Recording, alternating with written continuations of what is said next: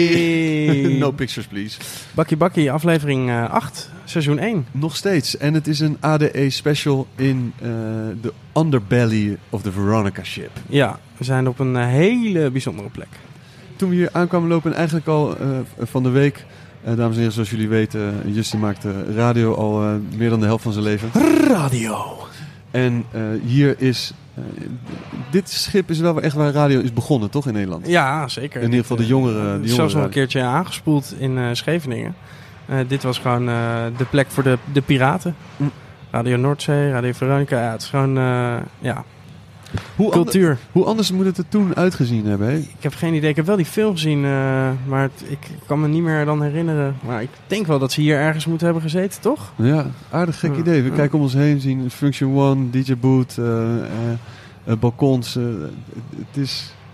Ja, het is in ieder geval word ik heel gelukkig van dat er nu weer iets op deze plek gebeurt met muziek. wat, het, nou ja, wat het gewoon vroeger was natuurlijk. Ja.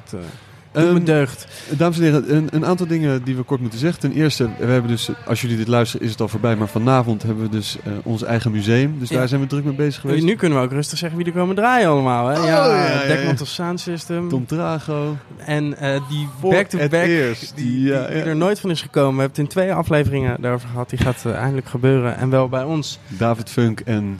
Benny Rodriguez. Ja, dit is echt wel eh, echt, echt, eh, echt kicken. Ja, goed dat jullie er allemaal bij waren. Ja, echt Eh, dank jullie wel voor alle support. En dat jullie alle merch hebben gekocht. En ons steunen via Patreon en Ja. iTunes en alle dingen. Patreon.com slash bakkiebakkie. Voor als je nog niet support kan over 2 dollartjes in de maand. Doe eens gek. Steun die jongens. Wat maakt dat nou uit, Je joh? kan donateur worden. Ja, dat is, en, en wij voelen die liefde. Ook al, kijk, natuurlijk, geld, daar kan je helemaal geen geluk mee kopen. Maar met liefde koop je al helemaal niks. Nee. Eh, dus eh, we feel the love through the euros. Kijk, en Steven gaat gelijk aan het Engels, want we hebben Ja. dus eh, onze eerste internationale gast, Seth Roxler, zo meteen. Ja. Eh, voordat we die spreken, hebben we eerst bij ons aan tafel David Cornelissen, Yes. Yes, hallo, hallo. Ehm, hallo, hallo. Noorderling. En dat is nog niet zo heel lang. Nee, dat klopt. Het, eh, we zitten nog een beetje in identiteitscrisis, kan je zeggen. Ja. Maar het is nu opgelost. Dus nu heten we inderdaad Noorderling, voormalig Noorderschip, RIP. Maar van, van waar de, de, de verandering vandaan? Nou, het, was, eh, het is natuurlijk het Veronica-schip. Dus het heeft een veel eh, heeft een historische waarde. En voor de gemeente is het ook de reden waarom het hier ligt. En dat is ook de reden waarom het een vergunning heeft. En eh, wij hebben best wel bombastisch onze, onze, dat nieuwe concept naar buiten gebracht. En dat heeft bij de gemeente denk ik ook wel wat verwarring ge- gecreëerd. Ja. En nu, ja, dat eh, wilden we eigenlijk weer een beetje oplossen, omdat het een schip is, Noorderschip, Veronica-schip. Toen zijn we eigenlijk de eigenaresse van de boot tegemoet gekomen en de gemeente om het woord schip eraf te halen. Zodat het gewoon nog op het Veronica-schip blijft bestaan en niet het Veronica-schip verdwijnt. Ja. Dat willen we natuurlijk ook niet. Ah, ah, nu snap ik het Dus beter. het is een Noorderling op het Veronica-schip. Precies. Ja. Het is niet ideaal, maar op deze manier gaan we het nu gewoon doen. Ja. En, eh, En het is ook een film van Alex van Warmer dan, toch? Precies. Noorderling. Is dat ook een... ja, dat zit, was dat wel in mijn hoofd Ja. toen we daarover aan het praten waren. Want het was eigenlijk de tweede naam die we op ons lijstje hadden staan. Ah. En het is natuurlijk in Noord. Mensen die in Noord wonen, er is zelfs een eh, beruchte WhatsApp-groep die heet De Noorderlingen. Dus het heeft op zich wel wat haakjes. En ik vind het eigenlijk wel, wel leuk dat het een individu is en niet een, een schip. Ja. Op die manier. Ja. wel. Hoe, hoe lang is het nu open? Sinds 11 mei. Dus dat is eh vier à vijf maanden. Ja, nog steeds in het... eh, heb je het gevoel ook nog steeds in de kinderschoenen? Of is alles... Ja, we hebben wel, denk ik, we zijn nu een beetje, een beetje door hoe het allemaal hier gaat. En ook hoe eh, Amsterdam erop reageert. Mhm. Eh, we moeten nog hard werken om hier veel mensen naartoe te trekken. Maar de mensen die er komen hebben eh, wel volgens mij een goede ervaring. Dus we hebben het wel redelijk onder controle, denk ik. En nu met ADE gaan we denk ik helemaal nat. Dus, eh, Het, het voelt wel als een soort... ehm, eh, door die balkons... We zitten nu echt in de buik, dus we kijken om ons heen en zijn Op de overal... dansvloer eh. Ja, en het voelt Ja. echt als een soort, eh, een soort luchtplaats in de gevangenis. Of zo. Ja, Heeft ja, het- dat ja, heeft het ook wel, die ja, ja, vibe. ja. Zo, een beetje een kooi. inderdaad. ja, een Ja. soort Ja. klein beetje kooi.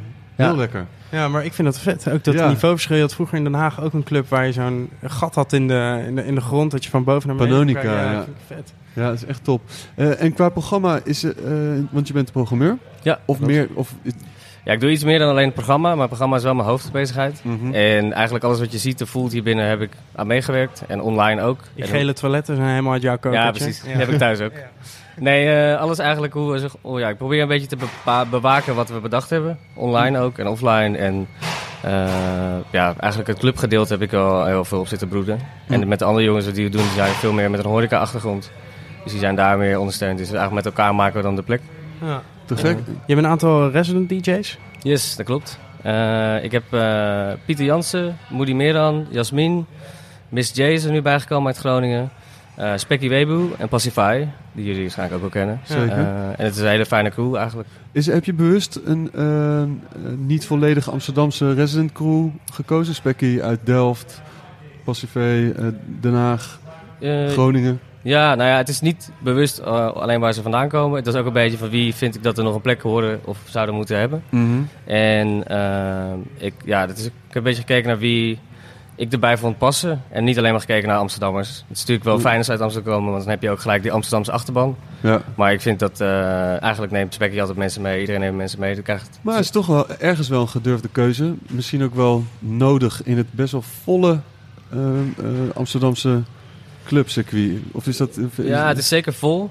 En het is ook, ik probeer ook wel heel erg eh, me niet per se te onderscheiden, maar om niet eh andermans plekken in te nemen. Uh-huh. En dat, is, dat gaat tot nu toe denk ik wel goed. Omdat we in Amsterdam wel een hele open cultuur hebben binnen de programmeurs, denk ik. Het zijn eigenlijk allemaal vrienden van elkaar. is, er, is er veel contact over het programma? ehm, Nou, niet denk ik daadwerkelijk over wat gaan we die week doen of wat doe je dat dan. Maar eh, bijvoorbeeld van de Claire tot aan de school tot Grijze Noord zijn eigenlijk allemaal mensen die ik door de week ook wel zie. ja. Of oude vriendengroepen, het zijn allemaal een beetje geboren in de trouw. Dus Toch wel ongelooflijk nog steeds dat dat, dat eh, een bakermat is eh, voor, voor veel mensen die daar eh, eh, zijn opgegroeid en vervolgens zijn doorgegroeid naar hun eigen plek. Of in ieder geval eh, een andere plek. Dat is het beste wat heeft kunnen gebeuren met die hele sluiting, toch? Dat die, al die, die Ja. tentakels over die hele stad zijn eh, uitverspreid. ja, volgens mij hebben we ook een bijnaam gekregen bij bepaalde buitenlandse agenten dat we allemaal Olaf's Children worden genoemd. dus dat, is- ja, zo Terwijl jij de enige bent die op hem lijkt. Ja, dat, is, dat, nu het zegt inderdaad. Maar volgens mij komt het wel, is het wel allemaal uit daar voortgekomen, ja. En is, er een bepaalde tijdsduur voor deze plek? Eh, want eh, Noord is natuurlijk eh, een crazy ontwikkeling aan de hand. Eh, nou, in principe hebben we het voordeel dat we niet op de grond zitten. Dus er wordt, niet op, iets, wordt hier niet iets gebouwd binnenkort. Ja. Volgens mij mag het hier voor een bepaalde tijd blijven liggen. En wij, hebben gewoon, wij huren in principe het schip van de eigenares. En met haar hebben we gewoon eh, sowieso voor vijf jaar nu een overeenkomst. Oké, dus dat is, Nee. dat is ook wel een mooie periode toch om over na te denken, Ja. muzikaal gezien. Ja, precies. En het is ook wel fijn. Ik vind, ja, dat komt ook weer voort uit de cultuur van trouw. Dat je een begin en een eind hebt. Dat Ja. vind ik wel fijn. Ik denk dat we wel optie hebben tot langer. Maar ik wil eerst gewoon misschien even gaan kijken naar hoe we dit gaan doen. En waar het naartoe gaat. Hey David, te gek dat we hier eh, eh, met Seth kunnen zitten. Eh Seth Troxler. We, we hebben eh, hun zelf de keuze gegeven eh, waar ze wilden opnemen. En ze kozen deze plek. wat dus leuk. dat eh, wil toch wel wat zeggen. Ja, Denk nee, ik ik. vind het eh, leuk dat jullie hier eh, vanmiddag zijn geweest.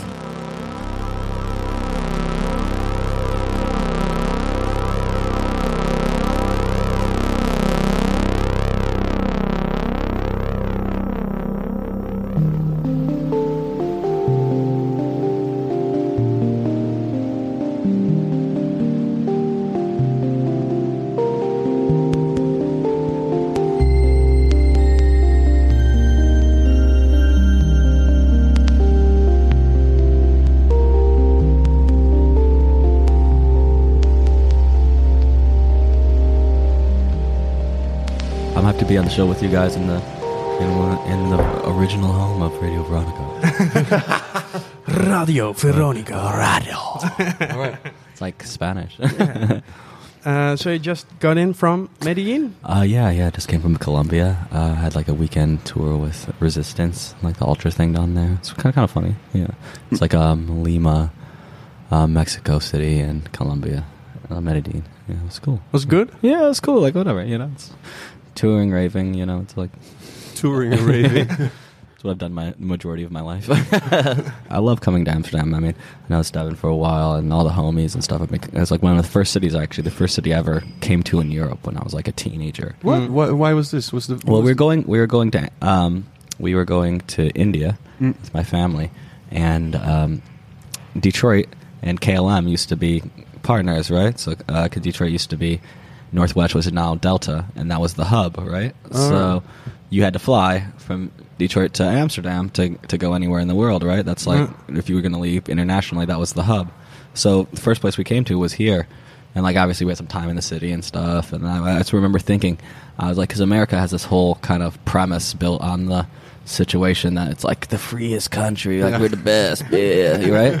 And then I got here and I went walked around and I was like, these motherfuckers are lying to us. I was like, at a very young age, I was just like, Oh, why? I got like the Homer Simpson shady eyes going, you know, like looking. What's going on? What's, Yeah, like- But how how old were you? This was really. I was like maybe 14, 15, yeah. and going with your parents to India. Yeah, my, my godfather, kind of like our neighbor. Yeah, he's, he's he's passed now, but like our my neighbor was this Indian man, and uh, and yeah, he's kind of older, and he needed someone to help get him to India to see his family and stuff. And we are his neighbors, and we like helped him out a lot. And he's like, "Come with come with me," you know.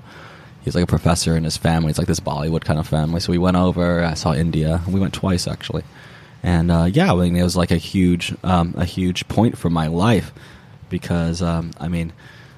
I come from like a quite low middle class, middle class family. Right? I was, I was going to ask, is this normal for a kid in like 14, 15 years Yeah, old yeah. growing up in Detroit, going yeah, to India? well, I'm from Kalamazoo originally. That's the city I was I was Oh, born in, alright. and then but I had moved, we had just moved to Detroit. My godfather was from Kalamazoo, and uh, you know it was very unusual. You know, like I think I've been on like one one plane before going to like uh, the South or something, going to North Carolina and Florida. I've been a few planes, and then um, yeah, so we just did the did the trip, and it just opened my mind as much to see humanity. You know, like one coming here and seeing that you know Europe's in a lot better condition, kind of socially and everything else than America, and then as well um, going to India and seeing like the great humanity of you know what poverty can really be. You know, which kind of leaves you with a um, endless kind of kind of understanding of the human condition. I think at a very young age, you know, which has made me kind of a very generous person. also, know. maybe appreciation for your own situation. Yeah, yeah, you know, like it very, very much, you know, because like it's like what do we didn't have much, but it was still a million times better than Yeah. the, you know. no open sewers. yeah, I went to like a really good school in the suburbs, right? like I can't, I can't really say much. you know, it's like yeah, And uh, I've been to India twice, Hmm. and the first time was one of the most horrible situations in my life ever, and the second was really good. How was your experience in India? Oh, both times were were really good. Yeah? yeah. Um, I mean, I was with a family from there, so we had a, a, a very different perspective, and they're like, you know, like a kind of Hollywood family. His my godfather's brother was a writer of a lot of the '70s kind of love uh, soap movies and stuff. You know. What He In was- India. Yeah, in India. the Yeah, Bollywood. What? Uh, yeah, yeah. Rajesh Kapoor. What? Yeah, yeah. I, I went to s- I went to visit uh, Bappi Lahiri actually. Okay, no, no, no, no. He's the disco king of India. yeah, that's that was been an interesting trip. yeah, yeah, Yeah. It, it was. check him I out. love like Indian disco from like the movies and stuff. It's like super he- funky. It's like Turkish disco is kind of the same I as think well. he wrote probably like ninety percent of the songs. Yes. That's sick. He's like the uh, Jimmy, Quincy Jimmy. Jones. Yeah, yeah. Jimmy, Jimmy. yeah. He- maybe, he they're probably Rotterdam, they're right? probably on some movies together. Yeah. Must, m- must Back in the day, yeah, that's crazy. Yeah, that's crazy. Bappi Lahiri, f- real legend.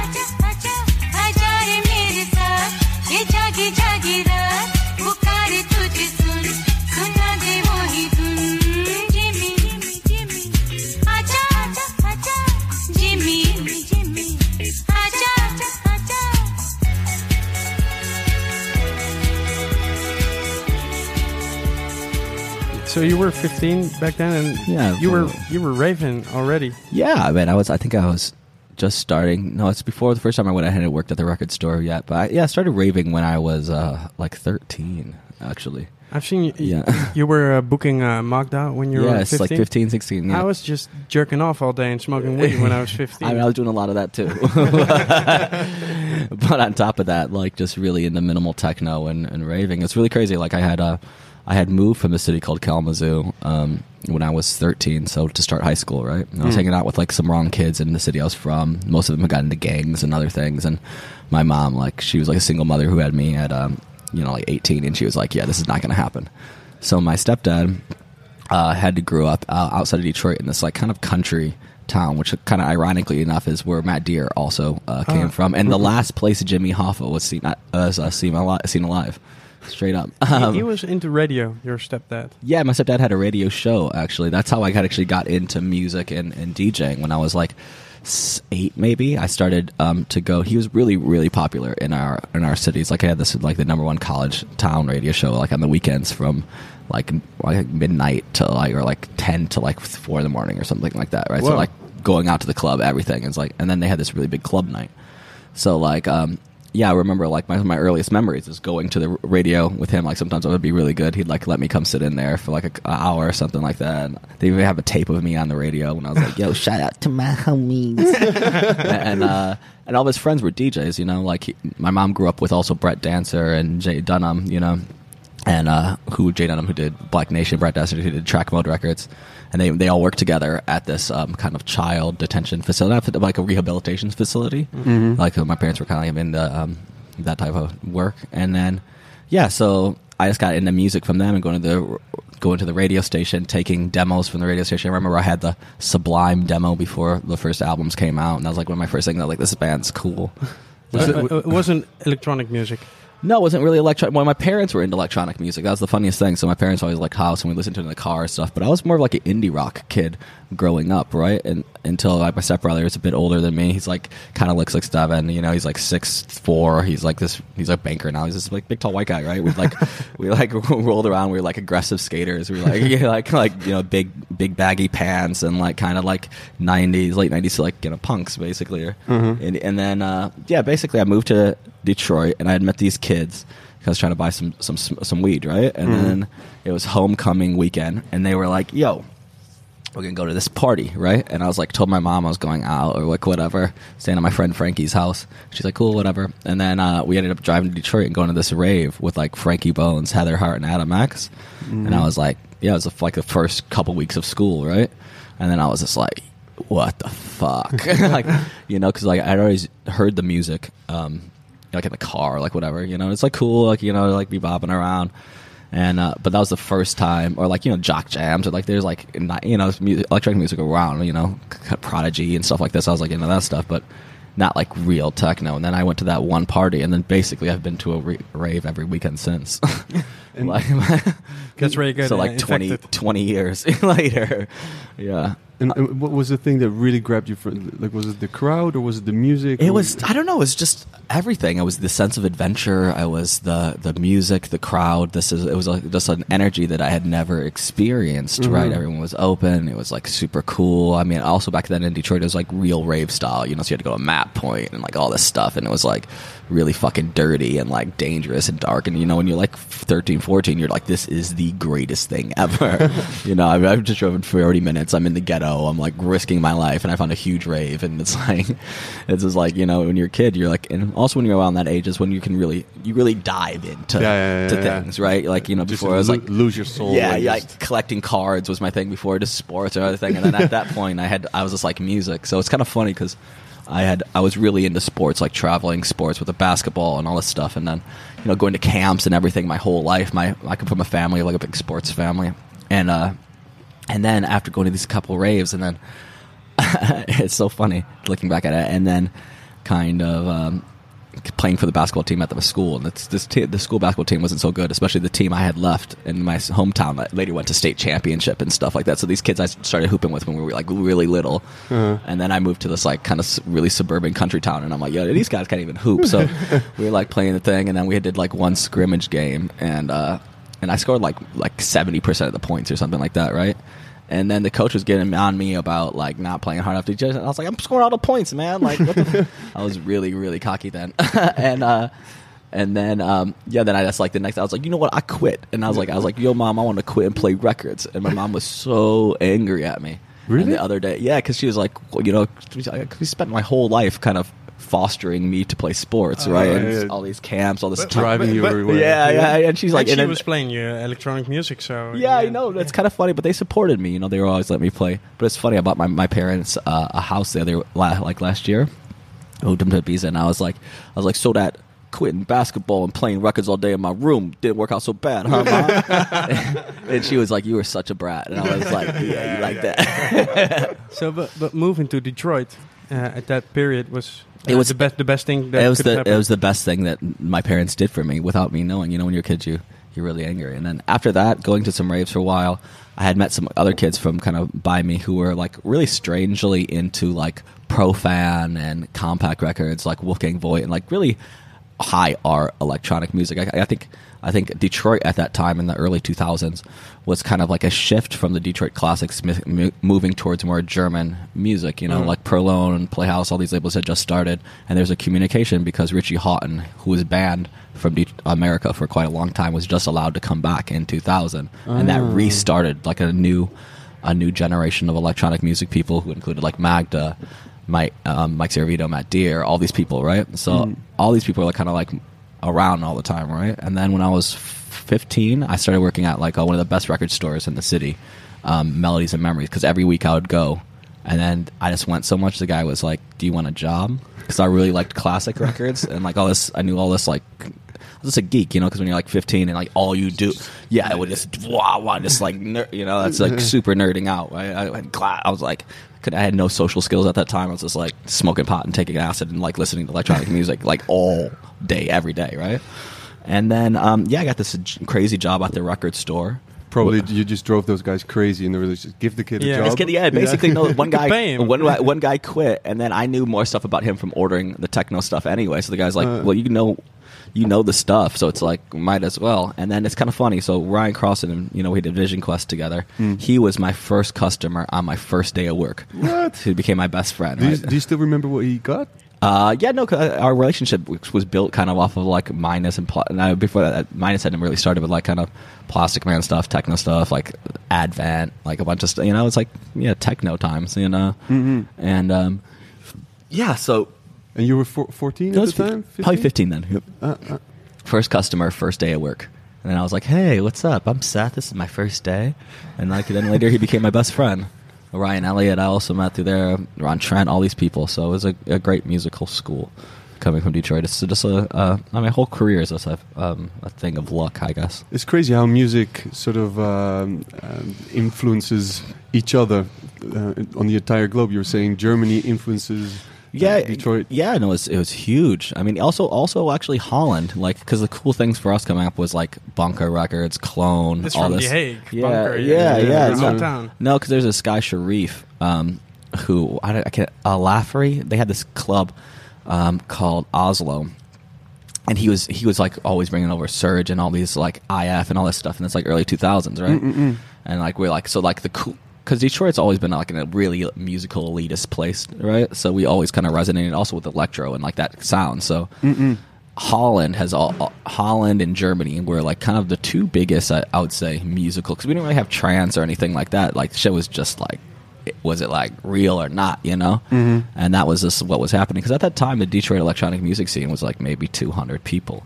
What? You know? I, yeah, it's crazy. It was like yeah, it was like really small. That's also how I met Omar S. Was at the record store. But then the percentage of people that are producing is is so big. That was the thing because it was only like basically it was a small club scene Uh-huh. and everyone was a DJ, right? Yeah, and they were all famous. No, well, they're fa- kind of it's kind of they're famous, like so it's kind of weird, right? Because they're famous now, you know.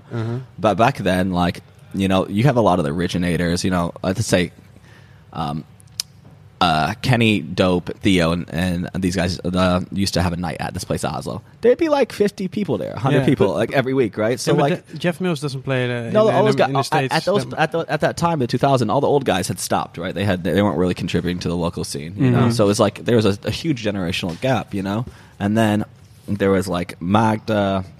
There was this night called Untitled with Derek Plaslaiko, um, Matt Dear, Todd Mullenix, and Todd Osborn. Right, that's that was like the kind of how I came up with like through these guys and like you know, kind of rich everyone. And then like, those is kind of funny because I later, like, my career really took off, and those guys were still at home, right? And I was like, I always felt kind of a bit bad. I mean, now they're all doing very well now, but back in the day, I was just like, yo, how are all these guys who got me into the game still not in in the game? You know, which is like a funny kind of way. I kind of look at electronic music like acting. Is you have to stay in forever, Uh-huh. and then it works out. You know. But it's funny that you're saying that, that they were playing for empty place because IF he was the first guest also on on, uh, Yeah. on our Bakkie Bakkie podcast and for years in The Hague, his own city, he had been playing for empty rooms. Yeah. You know, and still, And still, yeah. he's, That's- he's that- still he's not selling I out a mean, room. e- but even he's even even me around the world. even me in Detroit today, I can hardly get a gig. What? Yeah, yeah. I've never even like headlined the music festival. I think la- last year was the first time I played like later than like six o'clock in the Detroit Electronic Music Festival. It's like it's crazy. I've headlined like every stuff festival in the fucking world, but at home they're just like, "Yo, that's that's that like nappy haired motherfucker Seth." I, you know. But maybe, maybe that's the kid from the record store. Yeah, yeah, yeah, yeah, yeah, yeah. Whatever. He can he can play. Yeah, like, yeah, he, yeah, yeah. he can warm put, up. Put him on the local stage. Yeah, yeah, you know? So, uh, what do you remember from your, your first ever uh, DJ set? Um, well, it was super funny. So, um, we had it was in my first kind of booking, I guess, was in this uh club in um, this was really hilarious in in Windsor called the Amsterdam Lounge. Oh, really? No shit, no shit. Called the Amsterdam In, Lounge. in Windsor, uh, we don't. Wi- know- Windsor, Windsor's Canada, right? Oh, right, yeah, so yeah, yeah. Detroit and Canada are separated by a river, Bridge? kind of Yeah, like yeah, here, a bridge. yeah, it's like yeah. five minutes. Yeah, yeah, right. It's like you know, it's like whatever. It's like the Nord from from the other side, right? Yeah. So you got to go through like a tunnel or a bridge. The same, actually, about the same the same amount of space, right? And then it's a totally different country. So me and my friends, right? Because we had to bring like the speakers, right?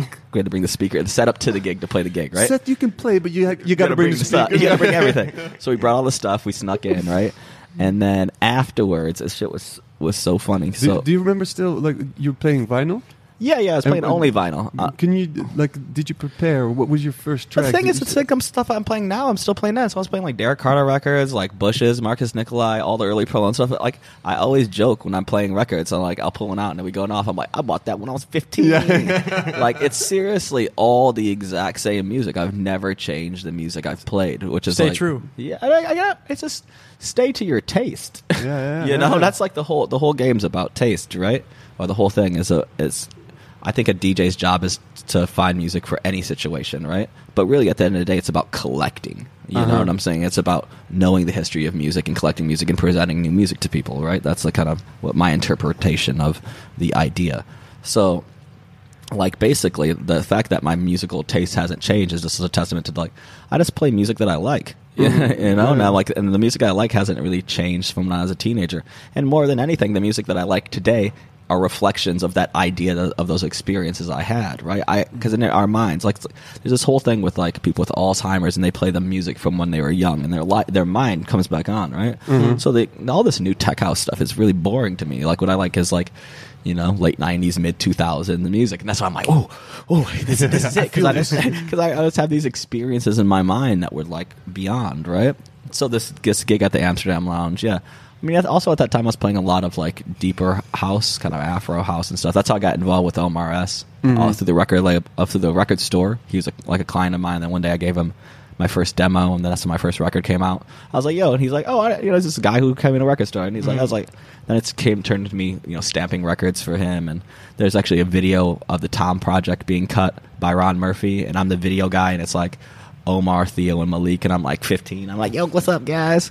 it's like it's crazy. It's it's funny to look back at because when you're part of something like that, you don't really realize that you're just living life, right? But anyway, back to this Amsterdam lounge gig. Yeah, yeah. This is really hella funny. So me and my friends get over there. Whatever, we do the gig, super tight. Then we got to come back over the border, right? Mm-hmm. And like the middle of the morning, and then like we get stopped, right? Obviously, because it's like six, like four 16 year old kids trying to Bringing come, speakers. just bringing speakers over at like two o'clock in the morning, and then we get busted, and then like they call my friend's parents, and he's like, oh. tell, he's like, oh yeah, he's like, they're like, do you know your son's trying to cross the border? And they're like, I thought he said his, his friend's oh, house. Oh. That's funny. Ma- Matt Folt is the guy's name. He's now a park inspector, like a park, it's not inspector, like a, a guy who sits at national parks, you know, and like does science and shit. Oh shit! Yeah, it's funny. and uh, yeah, first that was my first gig. Uh, my first kind of real gig, I started playing at this club in uh, Detroit called The Works. It was like a gay club. Mm-hmm. And I was sneaking in there for a while, and the, the bartender kind of fancied, the, the kind of owner of the bar, the runner, not the owner, but the bar manager kind of fancied like younger guys. And so I played it up just enough to continue to get gigs. Kissed there. him on the mouth every, every time you came Huh? In. You kissed him on no, the mouth every yeah, time you just came kiss in. on the cheek. Just- Just, yeah, yeah, just- just a little cheeky enough, right? Yeah, just a little touching. Yeah, just like drinks and stuff, and then like I started when I was like 16, and then by the time I was 21, which you're actually old enough to get in the club, there's this big thing, and he's like, "You've been drinking in this club this long," and I was like, "Gotcha." and then he he he, uh, he booked you for the. yeah, so I was playing there, and then kind of. I, I started playing there a little bit, and then actually the people who really got me in were also were Ryan Elliott and Matt Dear. So they had a, a night when they were in college at the University of Michigan at this place called Good Night Gracie's. And um, when I was 16, my mom used to, 15 actually, my mom used to drive me on Wednesdays because on Wednesdays they'd be like, "Yo, come down and play with us." So my mom would drive me to go play with them on a Wednesday. They did that for years, right? I heard Ryan Elliott tell about this Yeah, Wednesday so I used to play. At, I used to play at Gracie's with Oh, them, right, really? every Yeah. now and then, because Ryan was one of my really good clients at the record store, right? Right. So he's like, "Yo, you should come down." So I'd come and open for them at the at the college night, and then I would drive home with my mom, right? he, he had to bring the the stuff to the club. Yeah, yeah, yeah, yeah, yeah, same, yeah, yeah. I heard the story. Yeah, Yeah, so we go down with them and stuff. Yeah, Ryan was like one of my oldest friends. He's like one of the first people who really got me into the, the music. And he, he moved to uh, Berlin as well. yeah, he lives in Yeah. Berlin. Yeah, And your, Um, your your mom is such a s- such a sweet lady. First driving you around for, for all the sports things, and then driving you around for the DJ. gigs. Just saying, yeah, she, I mean, she had to drive around to get my records today. And it'd And nowadays be you so- nowadays you fly her to Ibiza, right? No, yeah, no. They, my mom and my stepdad, they both live, or my dad, they both live in uh, Ibiza, live in the ha- good life. It's nice. Yeah, it's cool. And and you're living in Ibiza also. Yeah, I live in Ibiza, for yeah, like- half of the half of the year. No, or- all full year round, man. Really? Yeah, I'm taking making a lot of changes in my life right now. What's it like there in December? It's off the hook. The weather's incredible. There's like really low amount of people. You know, it's But uh, let's, beautiful every day. Let's, but let's let's take a step back again. Like after your first gig, um, I mean, you were going to raves. When was the first conception that you that you really realized there's a DJ there and he is uh, selecting the records and he's Oh, that's playing from my, the first the first one. I was obsessed with the DJ. Yeah? I was always obsessed with the DJ. Like you would Okay. catch me every party in the front of the thing, and also in Detroit, the music, the social currency, much like Amsterdam, is being really knowledge- knowledgeable about music, right? About Mm. yeah. about real facts. Yeah, yeah, And yeah. it's not like a bullshit city. You know, if you don't, if you're not up, you can't be a young king hanging out with the older kids, it, right? It, it, it must be if, is, the, if, right? the, if there's such a small crowd and s- such a large amount. But it's kind of like if you think if think about the really underground Amsterdam scene 10, 15 years ago. It wasn't huge. You know what I'm saying? Uh-huh. Yeah, yeah. That's the thing what people don't get about electronic music today. When a lot of us got in the game, there wasn't so many of us, and that's like how we all made our kind of formations because we'd go around the world and we'd be like, "Yo, what up? You Yeah, the yeah. you the Amsterdam crew?" There's Yeah, like yeah. 10, 15 guys. You know what? You're like, "Yo, what up?" And you guys are all the same age. That's how I met Tom and Carlos and. uh Vanessa here, also, and everyone, because I mean, they, Vanessa and Carlos, they were the first people who booked me in Amsterdam for like my Carlos 20 Valdes. yeah, Carlos Valdes for like my 22nd birthday. I was like slept on his couch the whole weekend. I think I, I met you at um, uh, William uh, Joko's uh, house. Yeah, yeah. you, you were lying on the floor. Yeah, I, I'm still that guy. I'm a couch crasher, man. You know, but yeah, it's, you passed out, I think. yeah, definitely in those days. Yeah, you know, but it's it's funny. The whole community and everything, you know, is is really just built on people who've been in in it forever. You know, it's like you have to dedicate your whole life to this. It's just why it's fu- kind of funny for me for like overnight sensations or all this other stuff, and I'm like. Yeah. I'm like, you've only been in the game for like five years. Like, you know, It's- if it wasn't for MP3s, you wouldn't have a record collection. you know, I got 12,000 records at my house. you know? Um, but again, uh, after the first gig, you, you you were obviously just hooked, and No, it wasn't even about the gig. I was just really into the culture. I never looked at it as a, as a thing that it could be my job because we were around so many people who invented this music. You know what I'm saying? That it didn't seem like like you know I'd see them all the time. Like it was not Yeah, not a conscious decision. Yeah, just, like whatever, like whatever. They play in Yeah. clubs like we're in now, you know. For Yeah. the two, and I was like a high, you know, it wasn't like this big like thing. And it wasn't until um, 2004 I had graduated high school, and then I had gone um, again to Amsterdam, Barcelona, to um, this is the second Indian trip. But before I went a little bit earlier to um, meet Sean Reeves in uh, Berlin. And um, to come to um, Sonar, right? 'Cause I did all my school stuff, graduated, da da da. I got go- to, I, go to the beach. I got to go. I got to go to Sonar. So right Yeah, after, yeah. so I, I came right. Went with Matt Dear and, and uh, Ryan Elliott uh, Uh-huh. as well, and um, and we had, this great weekend there. But Matt was playing between uh, Ricardo and Rich, right? Who at that time idols like Bald Richie Hawtin was the baddest motherfucker on, on the planet. When that, when he was bald, that shit was out of control. All right, I, I still got a lot of respect for him, but when that motherfucker was bald playing records, that sh- it was crazy. All right, hey, man, Ricardo, 2003. Kids, y'all don't know. What- We- what- well, what- last night, Joko and I we were like, "I've been the nom, baby." But and can you, can, can you be even more specific? Was it his his his mixing skills? the, way mixing he- skills, the records. I mean, that, The he was playing like house that, and it was just like it was just better music. It was like the craziest music. I mean, also when you're looking back at memories, you know, the mind is a very funny thing with the the idea of memory and nostalgia, right? so Yeah, yeah. you you take the moments that are the best that uh that kind of.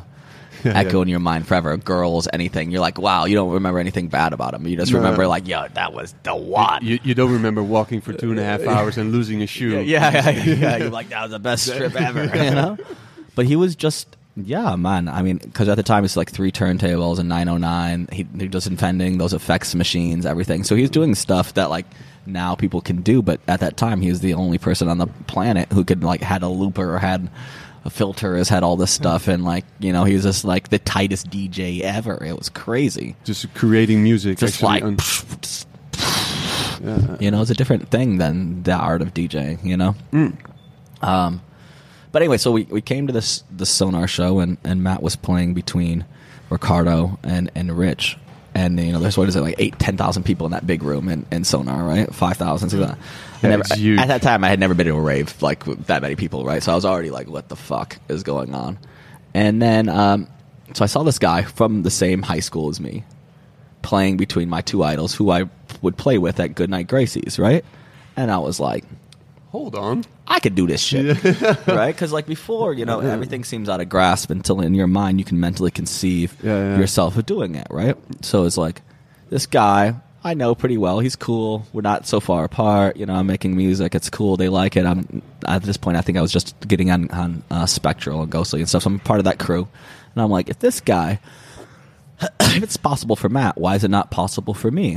So then at that point, it was really like, okay, th- let's like move it up. The next year, I had my first, or actually, yeah, the next year, uh, the beginning of that summer, I had my first um, European tour with Omar S at um, Panorama Bar. You And- already put out music. yeah, so then my you- first record came out when I was 17 on Yes. Fexi.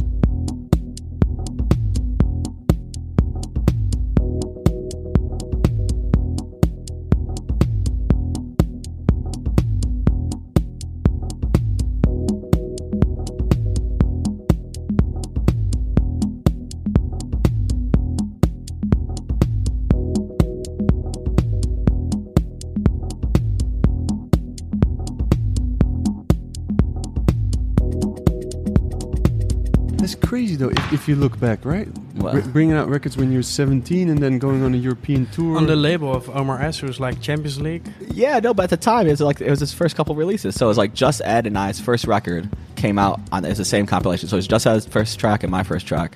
Mine under Young Seth and his under just What, Ed, what was the name of the track? Your uh, track? uh, moment on Fexy. Uh, Um, so yeah, I made that when I was 17. I think it came out when I was 18, and then before my 19th birthday, we um, so this is like 2005 out at uh, to, you, so you were playing Panorama Bar when you were 19. yeah, yeah, Panorama Bar and Robert Johnson were my first two gigs ever, like in Europe.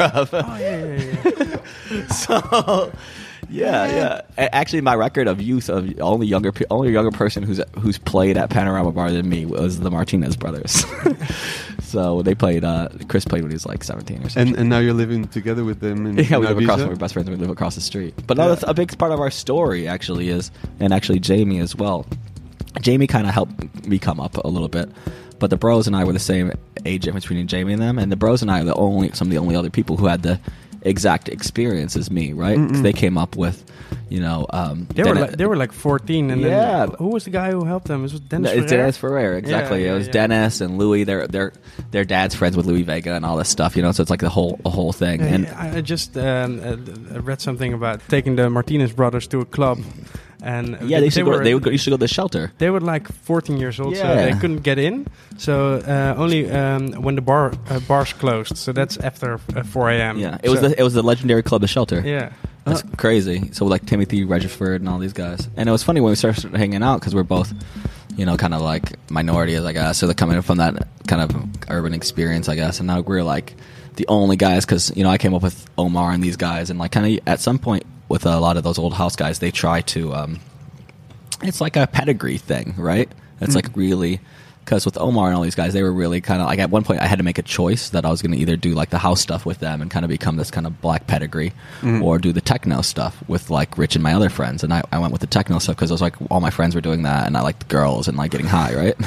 that was like that was like the thing. So I was like, yo guys, thanks for everything, but like But I gotta do I'm this doing- thing. I'm doing that. I'm doing this, and they're like they were really cool with it. But it's the same in uh, New York. You know, when you come up with with those people who kind of invented this and that thing, they they were looking for people to keep that tradition going. Yeah. I mean, even Mm. how Omar and these guys taught me how to program beats or to uh, make bass lines. You know, like I remember uh, Theo telling me this one time how to play a bass line, and that's still how I make bass lines today. You know, when I was like 17. You know, Hmm. it's fucking crazy. Did, did you uh, produce your first record at home? Was it Yeah, no. So I got a- I got Reason as a beta program when I was like 14 or 15. I there's this crew, um, uh, Music. It was like Hess, this guy Kage, and a, a few other people, Ryan, and we were all kind of like a little collective together. The first kind of collective, and then um, Kage, who's now actually kind of funny enough, the uh, studio engineer for ICP. he uh, he was like a studio pro back then, so he you know he hooked me up, got all these programs on my computer and everything, on the home computer, and I just started like doodling. And it was also like um, I remember at the time uh, Fruity Loops had just come out and Winamp, and you know you're like 14, 15. I like I did something in the talent show at school. I made like some beat and then put the acapella of Bushes over it, you know, like the stupid stuff, and then. Um, yeah, just kept making some stuff, and then the Omar S thing, I had made one track that was like pretty cool, and I was like, "Oh, I made this track, check it out." And then that came out, and then the next song was this track "Satisfy," and then I started making stuff, and then Richie Hawtin and all those guys got on that, and then it was just it just kind of just happened like accidentally, really. I never wanted to be like a superstar or anything like that. I think kids today they all want to be like these like hype social media like gotta get my shit right. Just play fucking cool music, man, and just be mm-hmm. cool and like hang out, be a part of the scene. We were throwing also I forgot we we touched on this earlier about throwing all the raves with Magda. I was throwing raves from when I was 16. You know, the, the biggest thing is fighting, being part of the community. Then we started bringing over a lot of artists from Germany. Ryan and I became partners then, which then kind of morphed into our annual Detroit party. Need I say more? Which had become like one of the most legendary parties in America. And it just was like you just got to be a part of the culture to, to make the culture. You know, if you don't give uh, any activity that you're doing or you're going to devote your life to 100% and trying to make that entire culture better or trying to contribute to that, then it's like you shouldn't be really doing it. But you, you don't you didn't want to be a superstar, but then you became a superstar. So how does that make you feel? I mean, no, it was it was really difficult to deal with for a long time. I had like you know some problems with that, you know, because one with friendships, you know, like some some guilt, you know, of like why me, you know, why not these other guys who are just as talented, if not more, than me. Um, so there's like some of that. There's some of like also like you know when you're like I think I got the RA number one when I was like 25 or 26, right? So I'm, I'm 33 now, but like a lot. you look much older. Yeah. Thanks. I thought you were gonna say yeah, I like younger now, but I, I do. I, I think a lot of people consider me to be like a lot older of a guy, right? But like really, I'm just like I'm pretty young. You know, But that's also because you started so early that people think. I've been in the game forever, you know. But the it's kind of funny now because you know the young kids or the the scene now is all about like new, right? And the Mhm. young kids they don't really care what's happened before. They don't really Uh. know what's happened before. They don't know these these stories, right? So Yeah, you have, you have it- this feeling that it's sort of flattened out, sort of.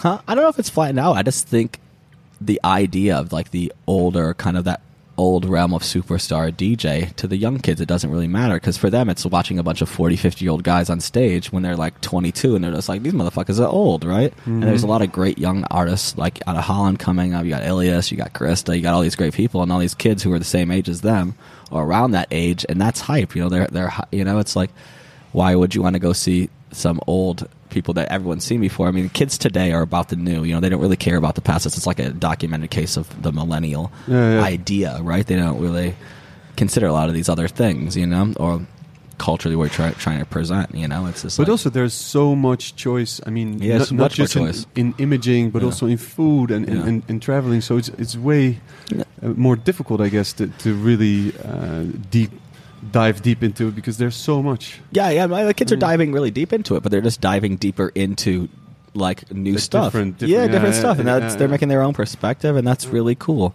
Yeah. I mean, even to school, I used to play there and then and trial forever, and then one day they were just like, actually, we're gonna we're booking completely different people. You're not gonna play here anymore. And I was like, okay, well, that's the end of an era.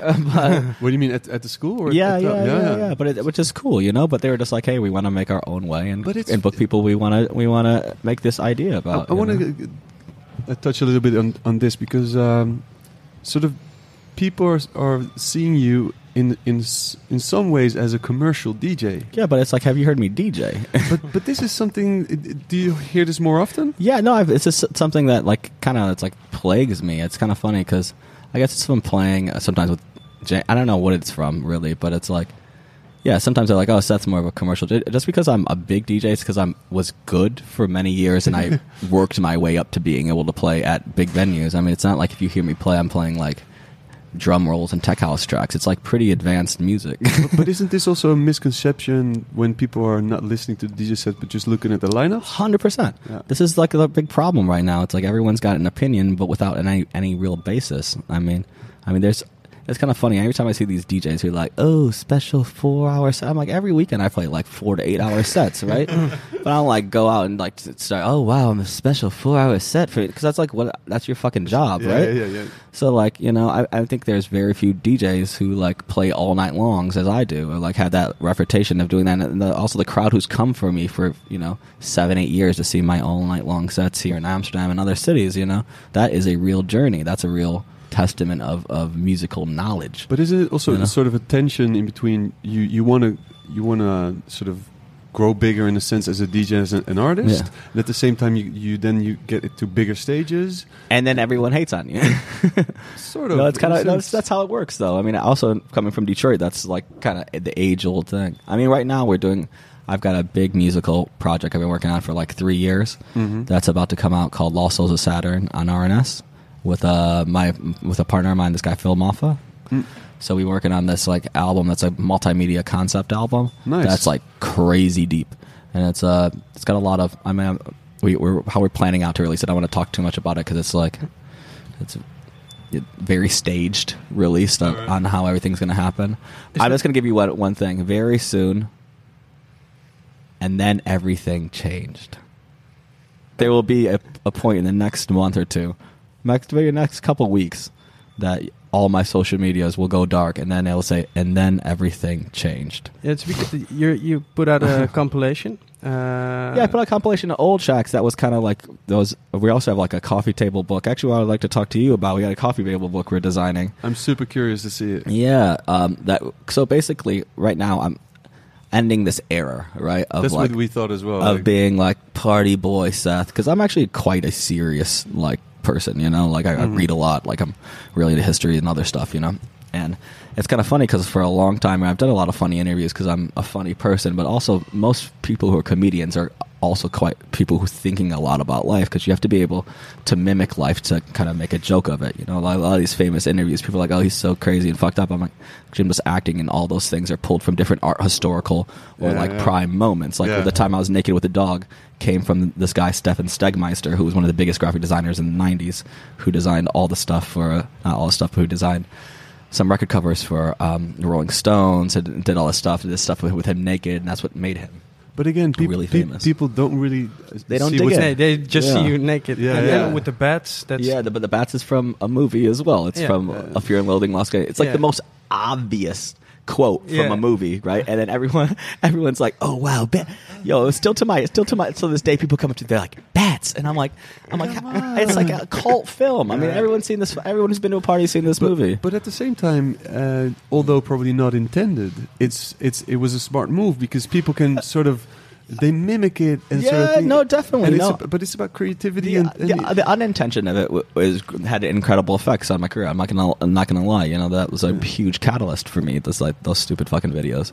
that's crazy. But now you want to? do you want to be the serious guy? I'm the, I want to now. It's time to be serious. The serious stuff is, is on the way. So either way, we got this book and uh, No, but first the compilation. You the were compi- saying yeah, no, the sort of- compilation and book they kind of go together. All It's- right, all right. It's called This Is Then, and it was just kind of like before I'm kicking off this new kind of whole process of uh, lots of new, new music is about to come out and all this this new idea, right? The Sethasons, I guess. uh, uh, uh, this new idea that uh, first um, it's good to wrap everything up. Oh, yeah. Right. So this is then is the idea of like this is all the stuff that happened then. Yeah. This is because like all these kids who don't remember. Here's here's all these old tracks that are cool that I made. You know.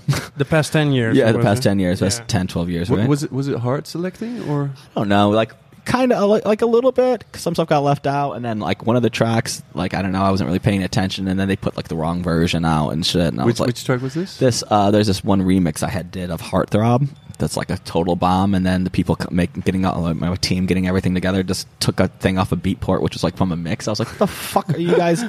uh, so that like. You got to pay attention. Seth. Yeah, you got yeah. all the way. Yeah, right. You, but the thing is, when you pay people, sometimes you just think like you know the Yeah. very most basic stuff, collect the waves, Yeah. you know. but like either way, that was then. uh, so that was about that, and then we are having this book, right, where there's like an oral history about me, as well as like loads of photos over the past twelve years, Uh-huh. kind of capping off, capping off this guy, right? This guy, this crazy guy, and now everything's just kind of about the arts and experience and, and consciousness and awakening is my my new my new thing. I got something in my. I got- You But it, wa- it was was it photos with you and fans? Yes, we have a loads of photos of me, and then two thousand photos with fans. Wow, wow. Two thousand selfies. That's a big book. Yeah, you know, we got them down to like kind Oh, of yeah, like yeah. small squares. So like in the beginning, it's gonna be like cool photos of like you know all the stuff we've done, and then at the back, it's like this huge booklet of like fans I've met. But it's And you is were uh, thumbs Yeah, up. thumbs every, up in every like picture. Not everyone, but I think like 70-80%. but is, is, is this also because people are saying like uh, you, you look funny and you're sort of a funny guy, and to collect all these pictures is also saying like, all right, this funny guy Yeah. is it's me, it's a part of me, but I'm gonna put it in I'm gonna book. put it. I'm gonna put it in the book. Here you guys go. So it's, you can put it on a shelf. you put it on a shelf. He was great. Yeah, Yeah, that guy look- was so much Yeah. fun. Yeah, Yeah, yeah. he was great. It was here's the moment. if you want to experience the funny guy, Yeah. flip through the pages. Yeah, my thing, my thing is as well. Like I have this kind of whole idea of um, maybe another like ten years stopping, right? Because I, I like the the bookend of like twenty years, like a um, like a pre thought out notion, right? Because Mhm. once everything is down, if you if you look at the lineage of the design, everything, and all the ideas in a huge collection of work, actually makes my body of work make a lot more sense. Hmm. So the thing is, like that was the first half, and we have the second half. I'm not really quite sure if there'll be a third part. There will be a third part, but you know, another ten years, I want to basically stop DJing and just do something else. So Like what? Huh? I'm working on some things, you know. But like, yeah, I'm in. I'm into the arts. I'm getting into some other businesses, but I just want to live another life. You know, I've done this my entire life, and it's not that I don't love it, but also I don't want to be on the road for you know 35 years. But you're never gonna stop making music. No, making music for sure. I want to get more into films, soundscaping, and stuff. But the whole touring DJ thing, you know, I like to get it down to maybe 20, 30 gigs a year. Go Yeah, play I when you can want, play all night long, and then that's that's just enough, you know. It's it's a cliche, but let's talk about the travel uh, and and the and the weight it puts on on doing the shows. Yeah, And, it's, and it's crazy. The traveling, the lack of kind of human relationships you have from traveling so much. There's a there's a lot that goes into like DJing that people don't know. It's a very tiring career, and I mean Mm. the, the people. The thing is, as well, the to be a, the longevity of a DJ. Not people make it past ten years. You know, Twenty years is, is really long. You know, it's, you know, you have to keep your brand or your personal, yeah, your personal brand, I guess, like interesting for that long, Mhm. where people want to want to have you come DJ, which is something I have to put in the thing. But also, like, it's it's just taxing, you know. And I see from a lot of my peers, the older guys, you know, big DJs and stuff. They don't, they don't have families. They have, you know, kind of these lives. They're chasing girls. They're older. You know, like you know, I'm like you guys are almost fifty, and like you, you know, this is amazing. You're doing this, but like, is that the life that I really want Mhm. for myself? And I, I realized that like maybe it's not. You know, I'd like to have a family. I like to do some other things. You know, Mm-mm. but the rest of the course of my life, you know. And, and I was talking to Derrick May earlier, and he was saying like I always try to have an extra day uh, to sort of really, uh, really feel the country that I'm in. But imagine him. He's because he's been doing it for over thirty five years. Yeah, yeah, yeah. So at, the, at this point now, he's like, you know, now I'm thinking maybe all this time traveling, I see these countries. you know? but it, um, I mean, you, you you travel for maybe eight to ten hours. You yeah, arrive. look, it's just over the weekend. I did. I went from Ibiza to Lima to Mexico City to Colombia, and then back to here. You know, That's And- fr- Wednesday to to Monday or whatever. Yeah, that's that's crazy. And and you you've got a team now around you. You got you got a Yeah, I like a management team, but then I have like a kind of personal team with my assistant, my tour manager, and um, like an accountant or whatever. So- but it's like So is that already? Your accountant is coming to the show. No, count, no, the no. money. no, no, no, no, no. no, but is, is that is that already a, a relief to have like a tour manager with you that you can sort of relate to and experience? Yeah, I mean, things you, you went on tour with Tom and Yeah, stuff. yeah. You know, it's just about like, I mean, it gets lonely, you know, after years of that, and it's Yeah. also nice to like reflect in a way. reflect, but also like, you know, you want to have your head in the DJ gig, right? Yeah. So just like not having to like deal with you know finding everything out when you get there you know that's just like an extra Yeah. level of extra shit right that you're just like i'm already a lax guy like it's like Yeah, i just don't want to deal with I- that shit I, s- I think I saw a video of you also getting angry. I don't even. oh that's my video guy though aaron he's still my he's still my video guy it's like in that ra video Was yeah traveling by boat and you were like, yeah no he was fucking up though right What the fuck, man? He was like, I'm. So, you know, no, just- no, no. It was his first day at work, right? Oh, it was his first yeah, no, it was it was really his first day at work, and uh, and he's like my friend from school. Right? We had we actually this guy we had met in Detroit. He was at and he, it was his first rave, and he was the last person in the room at the rave. And he used to be kind of concerned. He's a really f- far out guy, right? Really like it, maybe the most interesting. He's like a George Costanza type character. Yeah, yeah, yeah, yeah. Aaron, right? He's cr- he's crazy. But um, so like we we had a really tight schedule that day, and we're like, Aaron, as soon as we get done, we have to pack very fast and get out of here. We're gonna miss our flight, right? So we had sent people like three motherfuckers three times to like tell him to hurt to come on, right? He was just like, "Can I have one more co- Yeah. Di- diet coke?" Yeah, he was just like just wasting all this time and shit, right? And we were just like, yo, I'm like, what the fuck is wrong? Like, the thing is, I'm a really chill guy, but like when you're like working or whatever, and then people aren't like following the most basic instructions, I, I fucking like I lose it. I'm like a like I'm like bipolar psychopath, right?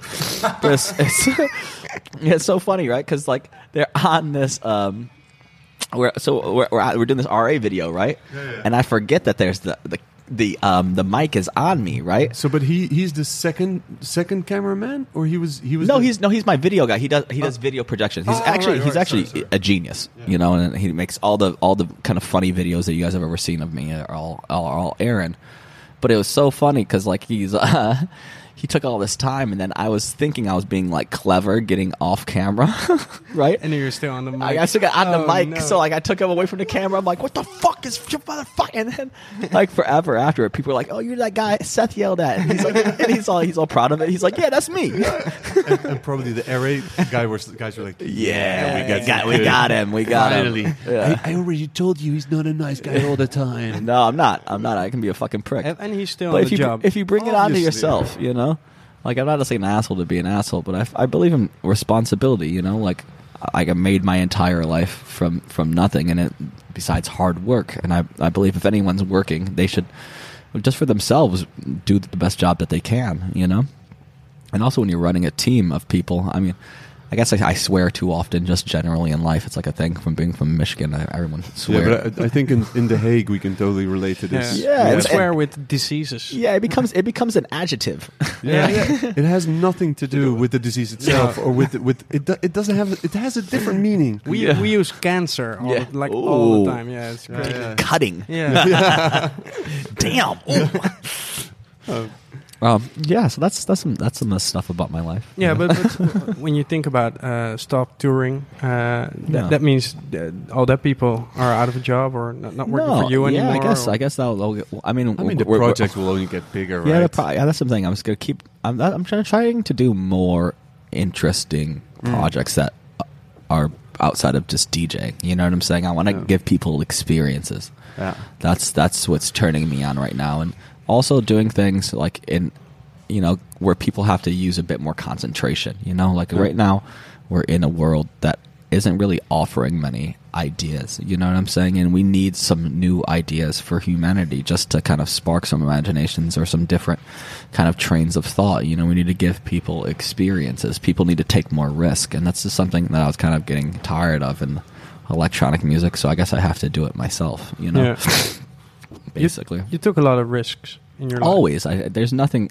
Because the thing is with risk is you fail sometimes, but you learn from those failures, and then you. Sometimes it works. Sometimes it doesn't. You know, but like you can't make any real strides in life if you don't take any risk. But it seems like today people are sort of afraid to feel pain, and we're trying to sort of afraid to make a mistake. Yeah, but that's and like this is why they, have some it's an, an, an, a different persona online. Sort of. Uh, That's I hate that though, right? It's like you got to like even online. Like sometimes I, I make some political comments, right? Mhm. And if you look in my in my my um, Instagram feed, you know, and like some things I say against Trump or whatever, the like straight up white supremacy, like straight up Nazis and shit, like coming after me, like in my comment section. What? It's fucking. You can look at it right now. It's fucking crazy, right?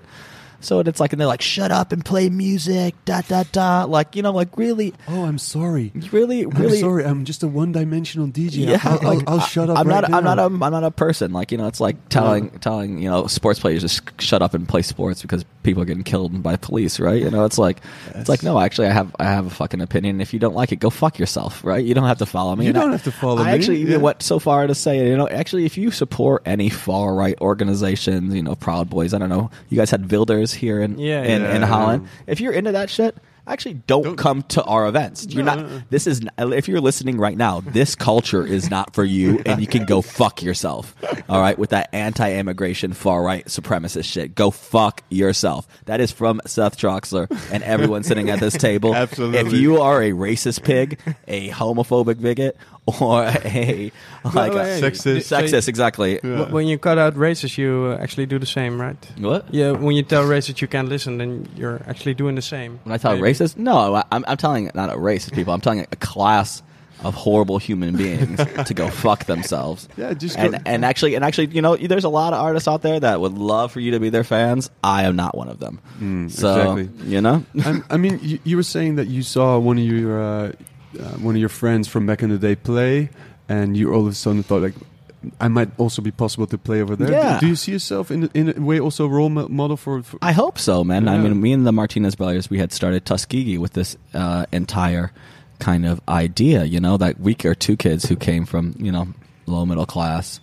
urban, you know, minority backgrounds who were able to now travel the world because of music. And we wanted these kids to know that, like, hey, there's a place for you to release music and to be a part of this, and hopefully to look up to a point where, like, hey, especially if, like, let's say brown people or black people, there's not many people for them to look up at in electronic music, even though the mm-hmm. kind of a, the culture was predominantly minority and gay, you know? It's that But- so crazy though how commercialism sort of took over. Yeah, I, And- I, I mean, it's like I don't want to say, but it's kind of like whitewashed the culture of there's now a very small amount of minorities in dance music. Even though I don't feel responsible, I, want to say I'm sorry. No, no, no, it's, not, it's not like that. And I don't. And, and I hate. I hate to put it like that, but No, it's but just you- like a, a fact of, of culture, right? Yeah, yeah, yeah. And then at some point, it's kind of like right now we have all these big talks of inclusion, right? Yeah. Of inclusion, but that talk is about everyone except minorities. Which like some of us are picking up a little bit, right? Like Yeah. we're kind of like, yeah, you know, this and this, but we're kind of like also in the back of watching this, and I, I'm there's a lot of talks behind the scene between other minority artists, and we're kind of like, mm-hmm. we're like, join the club, motherfuckers. Like this shit ain't new. and but like you know, it's kind of it's a it's a funny dynamic with that whole, that whole situation. But yeah, I mean, I It's would. nice. You're calling it a funny dynamic. Yeah, it's a, Seth call- calling it a funny it's dynamic. a funny dynamic, you know, because like also you don't want to discredit any of the other great strides of everything that's happening right now with inclusion. You know, I'm really I'm really happy for that.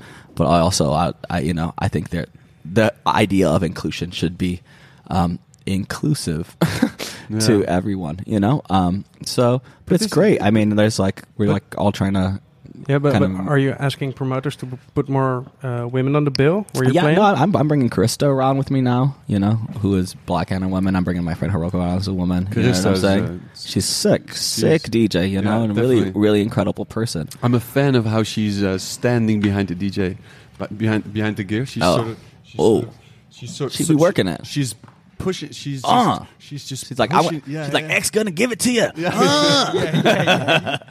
We try to get her on the podcast. Yeah, Yeah, yeah. It didn't work out uh, just yet, but she'll be on. De- yeah. Definitely. No, so I'm trying to like promote younger artists, but also just kind of like right now this big um, project we're working on, Lost Souls of Saturn. It's about to come out. What's in it? Sorry. Lost Souls of Saturn. Lost Uh, Souls of Saturn. Yeah, it's like I guess the base concept would be um, a, awakening um, people from there's we call them the six words that will be revealed that um, keep you in a unconscious state from um, truly reaching consciousness and Mhm. kind of um, yeah just reaching consciousness. So we we think that those um, six words are what kind of keeps everyone at this lower vibration. We need his words. Huh? We need his Well, words. that's part of the reveal, so I can't really. I can't really re- reveal them at the moment, but it's it's um, it's yeah. We had like some videos and some other stuff that's gonna explain everything for everyone, and then everything changed, and then actually I Everything probably changed, then- and then changed, and then changed. watch yeah exactly, and then the uh, these funny candid interviews will, will also change, and then there'll be a whole new person, and then one day I will disappear. Whole new person. You'll be a, a small white guy. No, no, no, no. Yeah, Oracle. An Oracle. h- how's the how's the restaurant going? Oh, it's it's okay. Restaurants are a hard business. Well, Is- is we're it- actually working on a new thing here now. We got this um, like a mate drink. I'm working on this mate drink. Yeah. Yeah, I went sober recently for like six months, and I was like, damn, it's hard as fuck staying up late at night. you know. Yeah. And uh, so I, I, my girlfriend's Brazilian, and uh, we started. She started having me drink mate, and I was like, "Damn, this shit is nice. Not like club mate, but at Yeah, home." Mate, is- Ste- uh, Steven de Paven, uh, one two three is al- always drinking it In the little You- cup, right? Yeah, yeah. You Yeah. just pour it- pour water on, and Yeah, it's crazy, right? And It's a when you, brew- natural- when you, it's a natural stimulant that's not like caffeine, but you get like really pumped, really focused, you know. Mm. But um, you don't come down, you don't feel jittery, right? And I was like, yo, why, the, f- why can't I just buy this shit everywhere, right? And they have club mate or mate mate and these other ones, but they're like full of sugar and carbonated. yeah. So me and a couple of my friends got to talking about it, and we've created a uh, a drink called Endless. Endless. Change, change. Yeah, no, no, yeah, change, change. Like uh, like Fifty Cent with the vitamin With water. vitamin water, but we came up with this shit ourselves, right? And it's like a, a, car, a sugar-free, carbonation-free mate drink. Is is this one of the basics of the most projects, or preferably preferably every project? Like you see something and you would like to have it, but you don't. Then really it's not there. Yeah, that's the same so- with the record bag. I mean, the record bag people they approached us, and I was like, I was like, look, I was like, I like if you guys want to make a record bag, let's make something that's just like That's proper. That's, that's like yeah. no, that's like not like like has bells and whistles, but that's like just logical, right? Because like Uh-uh. that's the thing. There's a lot of luxury items out there, a lot of products out there, but they don't really capture the idea of like people want basic things that work. yeah, yeah. You know, that's like. Yeah. Instead of sort of a picture perfect, but it doesn't really work. Yeah, yeah. Like I want something that's like cool. That's got like everything that's practical. I want practical, nice items. You know, I think that's like a real luxury. Or like with the mate thing, it's like I want a mate, but you know, I don't want to drink a uh, something that has the same amount of sugar as a Coke. Yeah. You know, every time I want to get a little energy, that's like defeats the process. You know, I can Yeah. drink this tea that I'm brewing at home, and I get like crazy jacked and can play 12 hours at Sunwaves. But that's like Really, is it? Is it, do you feel this much? Yo, it's hype. I had I, I gave one earlier. I had only brought one with me because I'm drinking like I'm just drinking these the whole weekend. I we bought like 40 bottles or something, but I'll catch you later. Yo, it's so sick. I'm super And curious. do you think we uh, we can fit in all our uh, podcast gear in uh, one of the record bags? Yeah, we can get we want to get, get you guys one of those. Yeah, I like that. I like that. We can we can definitely work that out. It's the only reason we invited you. I like I I like the transparency too. That's cool. You could be have honest about it. you could have just called me. You know? so, th- just a, just a step back because uh, I would love that. Actually, there's all these compartments as well. It's like a modular case. Really? So yeah, yeah, it's awesome. So there's like all these modular compartments in there to fit all the cables and everything, and then they they, they Velcro in. There's a battery charger, a GPS we system. carry this this heavy Everything. ass suitcase. Yeah, no, we, we'll hook you guys up. But isn't it nice to have like a project and really dive in, just just check everything out, create It's just it, great and to do other things. You Yeah, know, you yeah. got to keep your mind busy. You Yeah, know, keep it and like fresh. for a lot of people, just like DJing in front of people and you know coming up with these like dance moves that they do behind the decks when they're not doing anything else is like is like enough for them. But like for me, I don't really dance behind the DJ booth, so I got a lot of extra time not coming up with those moves. I guess. You'll be ma- make, making notes. yeah, I'm like back there like mixing. Like I'm like here's. Two songs playing for five minutes that no one notices that there's two songs playing, and I'm like, I'm like, y'all are like, you know, But do you have a signature move? Huh? I guess I clap. Hmm. I got this like kind of sway. I'm like, that's like That's, that's, what uh, I've, I've seen in the, the, the boiler room. It was Yeah, the first thing you did. it's the only thing I do. yeah, yeah. It's the, it's the only move I like. Actually, what I my kind of more signature sh- thing is I got these like painted shirts I wear from this New York artist Scooter Yeah, I've, I've seen it. Yeah, I always wear those to- Also with Trump, right? Yeah, yeah, no, there's no not one with Trump, Uh. but I had a fuck Trump shirt as well. Oh, yeah, yeah. But uh, but yeah, so I I figure like if I have like this colorful shirt on and my video guys making these like cool projections behind me, it's enough distraction for me actually not to have to move too much, right? And I can just kind of like sit there and be like, damn, I'm old. I'm I've been doing this shit for way too long, kids. My ankles are gone. you know? Wait, wait for the bass. Yeah, There it we is. go. Yeah. Do you drink coffee? No, not at all. That's why I drink I came with this, the other drink. It messes up my stomach. And uh, Okay. do you, do you have a signature dish? Because you, you when did Oh, you like food or Yeah, Yeah, yeah, yeah, yeah. When was this? When was this idea conceived of opening a restaurant? Because Uh, it's in London, right? Yeah, yeah. Well, basically, it was kind of the same thing, like um, a space in the market, right? Like it was some years ago, like like six, seven years when we first started it, and we were on like. Were the- you already living in London? Or? Yeah, yeah. I, had, I was already living in London. My friend Ryan was living in London, and we were like, "Damn, there's only one place to go get barbecue." And I had this really, I, bet- I have this really famous like family uh, barbecue uh, sauce recipe, right? That everyone Mhm. loves. It's like it's crazy. So we were like, I was like, I got this sauce. My other friend Ryan Crosson, he was from, um, you know, he's also from Detroit. And we just wanted to have some barbecue, so we opened up this place on the water in, um, oh fuck, what's the name of that neighborhood?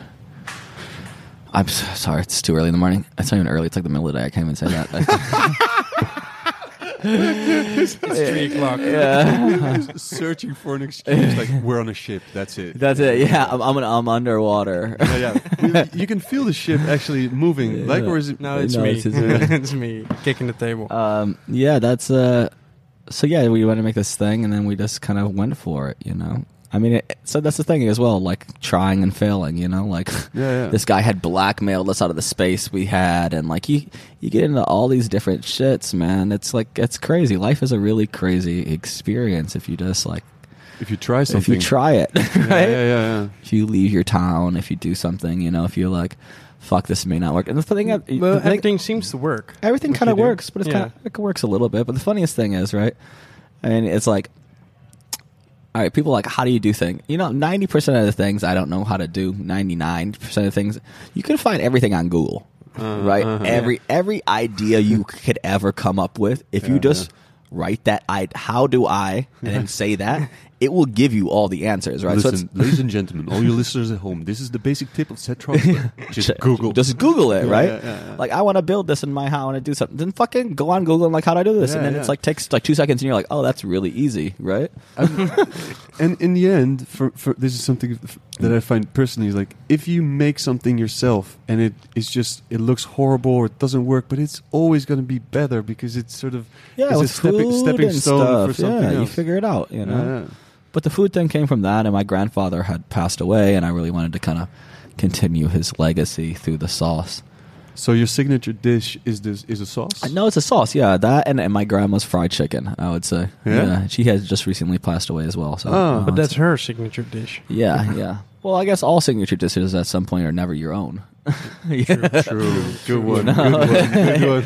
Good one. Except for like they're coming from your family, I guess, and, other and, things. and I I think you're the record holder of the ADE cook-off no, championship. no. right? So yeah, well, I'm tied.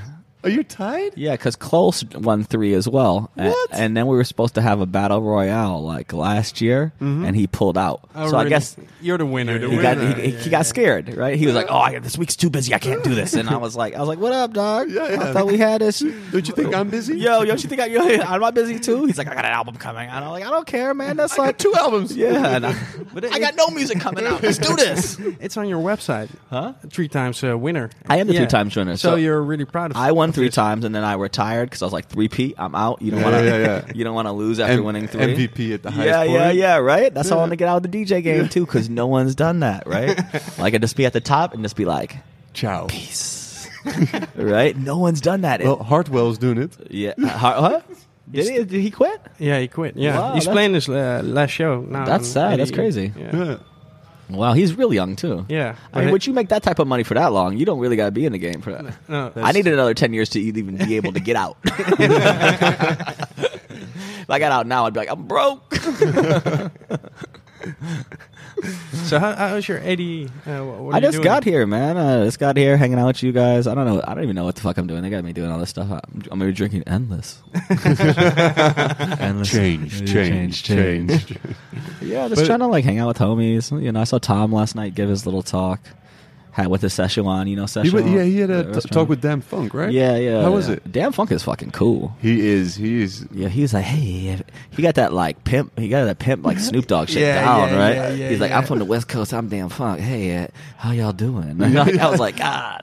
And he, he uh, I met him at. He was like DJing. Hey, we got Tommy, Tommy you know. yeah, yeah. This record came out in '84. I gotta play for you right now. yeah, yeah. Oh, this drummer is super hypey. he played actually on his roots.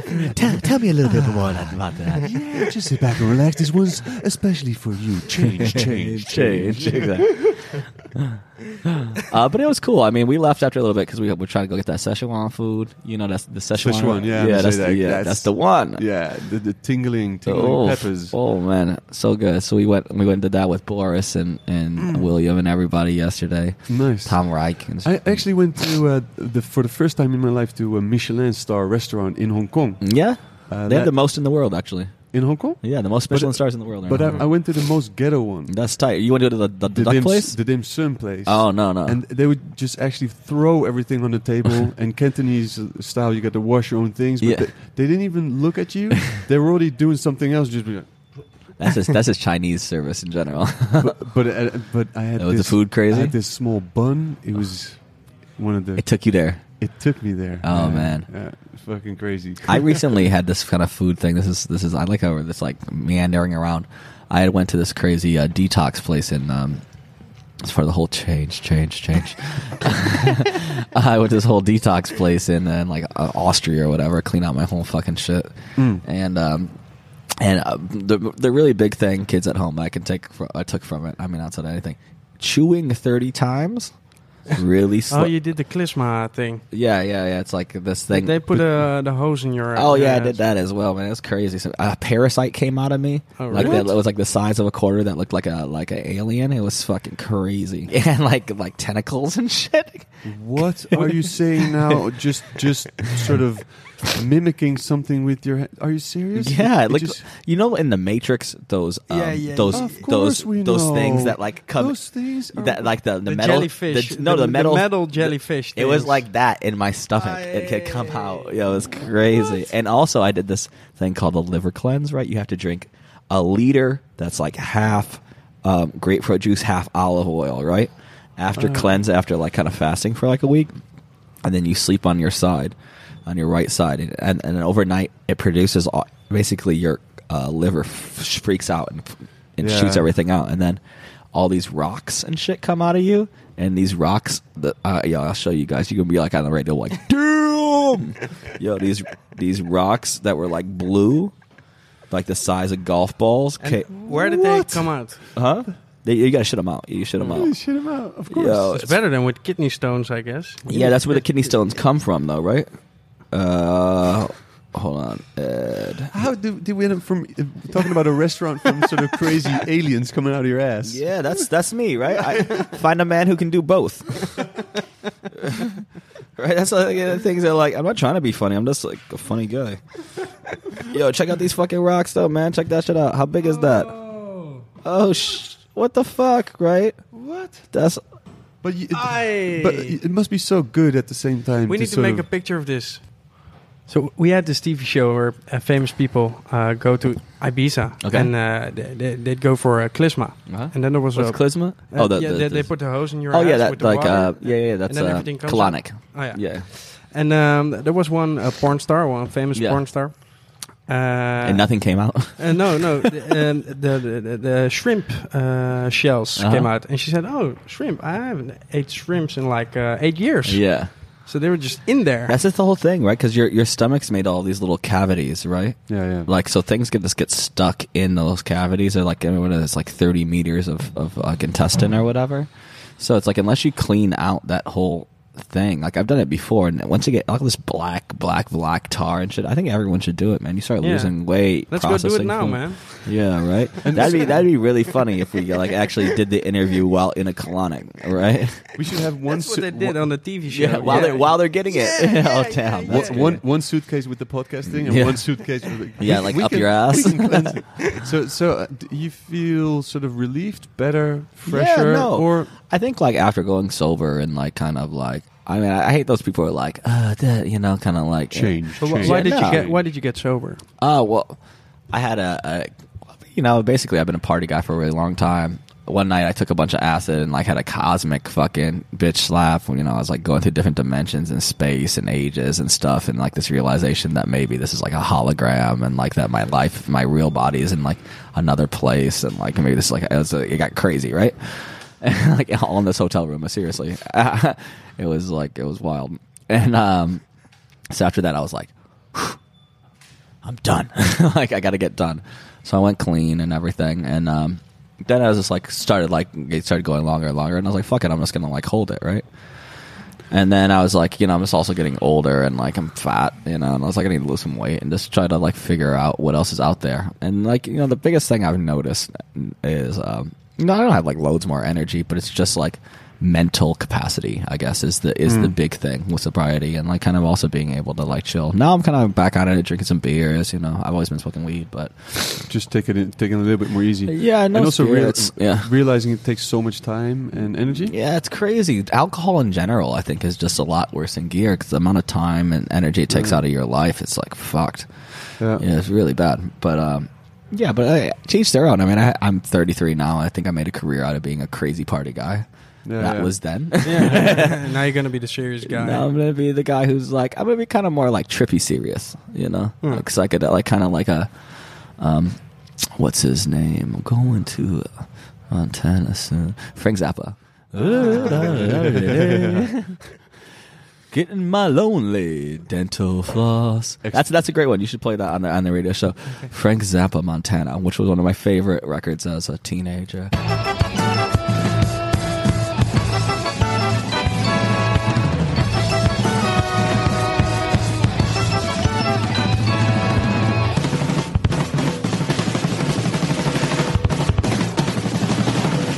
I might be moving to Montana soon.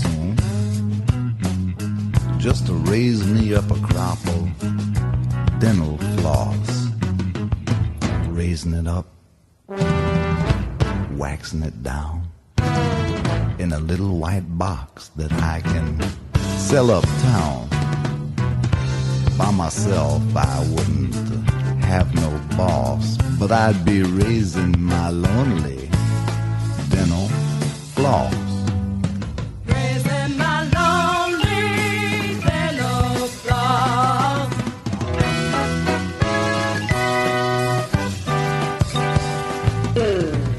I just might grow me some beans, but I'd leave the sweet stuff to somebody else.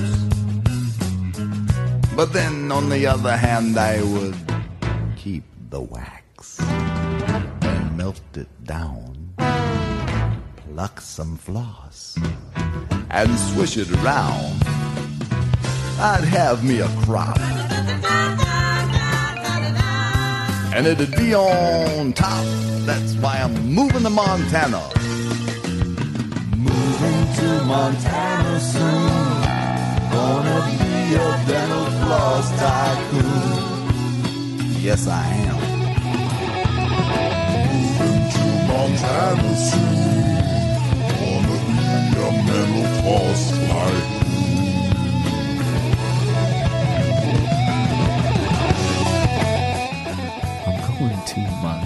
But it's nice though that he he's He one- never he never took drugs, not even a coffee, anything. and he's one of those guys that's s- sort of uh, you can't really grab him. No. Like every time you think you sort of have him, he, he And just dissolves. He zappa and then he died. yeah. I don't want to die, I'm just gonna quit. Are, th- are there any other artists that that sort of uh, have been an influence outside of the electronic world throughout the years? yeah, definitely. I mean, I'm, I'm really into Sun Ra, uh, Bill Evans. I love. Um, Oh God, I love Bill Evans. Uh, Live at the Village Vanguard is one of my favorite albums ever. Um, listen to a lot of Brazilian music now because of my girlfriend, like Tim Maia and stuff. Um, who else? What else? It's so hard. It's- I mean, when growing of course, up, it's it's it's a obvious and cliche question, of course. yeah, no, no. Like, what are your influence or whatever? But I don't really listen to a lot of electronic music. I, I mean, I listen to music preparing to go to work, and I listen to my my records. But that's just like at home. I don't I don't ever listen to music in the real world because I find the real world to be quite inspiring. I don't like. There's a certain isolation that happens when you when you put on music in the real world, and you're going. It's it's it's quite selfish, right? So like I find you know in many ways to be in the world. I don't have any music on my phone. I don't listen to music anywhere but at mm. my home and with my hi-fi system, So- right? Yeah, or in yeah. the studio. How do you get new music? Yeah, I buy new. I Just buy, promos or? no, no, no, I'm buying music. So I buy. I go record shop. I'm gonna rush hour later, and I'm, I'm really into buying records. Right. I think that's the whole process. You know, I, I stopped playing promos kind of years ago. I play promos for my friends, but if you send me a demo, there's like 98 percent chance that I won't listen to it because I just don't. Yeah, yeah. I don't get into promo pool stuff because it's like, why do I want the stuff that everyone else who I know is on this promo pool is going to be playing? Like that's like a waste of time of my job, right? And It's we were we were talking to Antal uh, also on the podcast, and he says one of the things of DJing abroad is really nice is that I can dig into these uh, record shops all around the world. That's the thing. It's our job, right? And I, Yeah. I and it's kind of funny because I always go into record shops and I, I get these like I'll always leave with a record bag or something like that.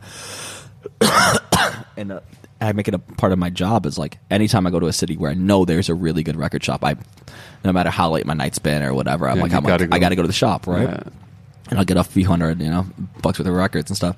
The guys are like, "Oh, well, such a big order." I'm like, "Well, if you know, guys like me aren't coming in and buying records like this, and I play every fucking weekend, then who's buying the records, right?" Yeah, yeah. I mean, all the pro DJs, that's your job, right? So it's like all these people are like, "I'm still underground." You, you don't play records. You're not buying records out, you know, like yeah, da da da. But like. You Play fucking MP3s, you know, like trying to make some debate over who's underground. It's like you don't fucking, you probably have a thousand records, you know, like shut the fuck up, that shit, you know. What's your favorite record store in the world? Yeah, I don't want to be cliche. Rush Hour. Really? Yeah. Yeah, Rush, Rush Hour and Kompakt, I think, are the best two shops in the world. Huh. Kompakt's dope. That's a dope because like both shops, there's a lot of digging. I mean, um, what's the one in uh, Berlin called uh, Hardwax? No, no, Hardwax is straight. It's all right, but um, oh fuck. Uh, I can tell you one thing. I did smoke a joint today. um, it's kind of a Space Hall. Ah, ah. Space Hall is really good. It's a good record to dig in, but Yeah, I, the thing is about a good record shop. Oh, also Phonica, my man Nick. Nick, shout outs to Nick. A good record shop is about the people you know in the shop, right? Yeah, yeah, yeah. They can they can sort of sell, Yeah, I mean, I worked at a record shop for a long time, and your job is to sell records to people, yeah. right? So, I mean, going to a shop where you got a guy who knows your style after years as, as well of going. And sort of saying like I'm, I'm No, they pick you out a big ass stack, right? Because yeah, you're yeah. not in the shop every week hearing Exactly, everything. like yeah, I don't. I don't look at one sheets. I don't know what's come out. And the thing, I want to go to a shop where I know somebody really good who knows what I like to to to play or knows what my style. He just picks me a huge stack of everything from like from Afro listening to- yeah. music to like to fucking hard techno songs or like whatever anything they know. And the thing of, of a really bad record store like Hard Wax is great. I've been going to Hard Wax for years. Watch it me. Uh, it's so funny to me though because Pete, DJ Pete, he he's known me since I was like a teenager. Yeah. Every time I go in there, he's like, "Oh Seth, what's up?" He knows exactly what I, I'm going to play when I'm not going to play. Right? Pulls me records, and I'm like, Pete, I've been coming to this record for 15 years. I don't think I have bought one record from you that you have pulled from me. Like, you know, I'm not going to play this shit. But he's trying to open your eyes. Yeah, but I'm like, I'm like, I don't. Change, change, Yeah, I'm like, I'm not gonna change. the- I've been playing the same record since I was 15. it's not gonna change, man. I'm not gonna start playing hard tech. No, like, Give me that old Richie Hawtin stuff, yeah, man. that shit. that- I mean, that's what I'm playing now. Is a lot of old records, a lot of uh, music, like a kind of. They when they say they don't make them like they used to, they don't. Yeah, I want to talk about a little bit about making music. Like, Yeah. uh, um, I can imagine it sort of it, it evolved. Like, if uh, I'm looking at friends of mine also starting out with just an MPC and just a Mm. small synth, Yeah. it's getting more and more professional. How's your studio situation? Same, same. I mean, for a long time, I was in the box, and then, like a few years ago, I made this conscious decision after kind of only doing some remixes for some years of uh, kind of like getting out of the box and renting a studio and doing like stuff on gear. So I rented this guy's studio, who's now a partner of mine. This guy Phil Moffa. Uh, for like two months, right? Mm. So we're in there working, and like I'm really good at programming and like arrangement and stuff. But when it comes to like hooking up synths, that ain't my bag.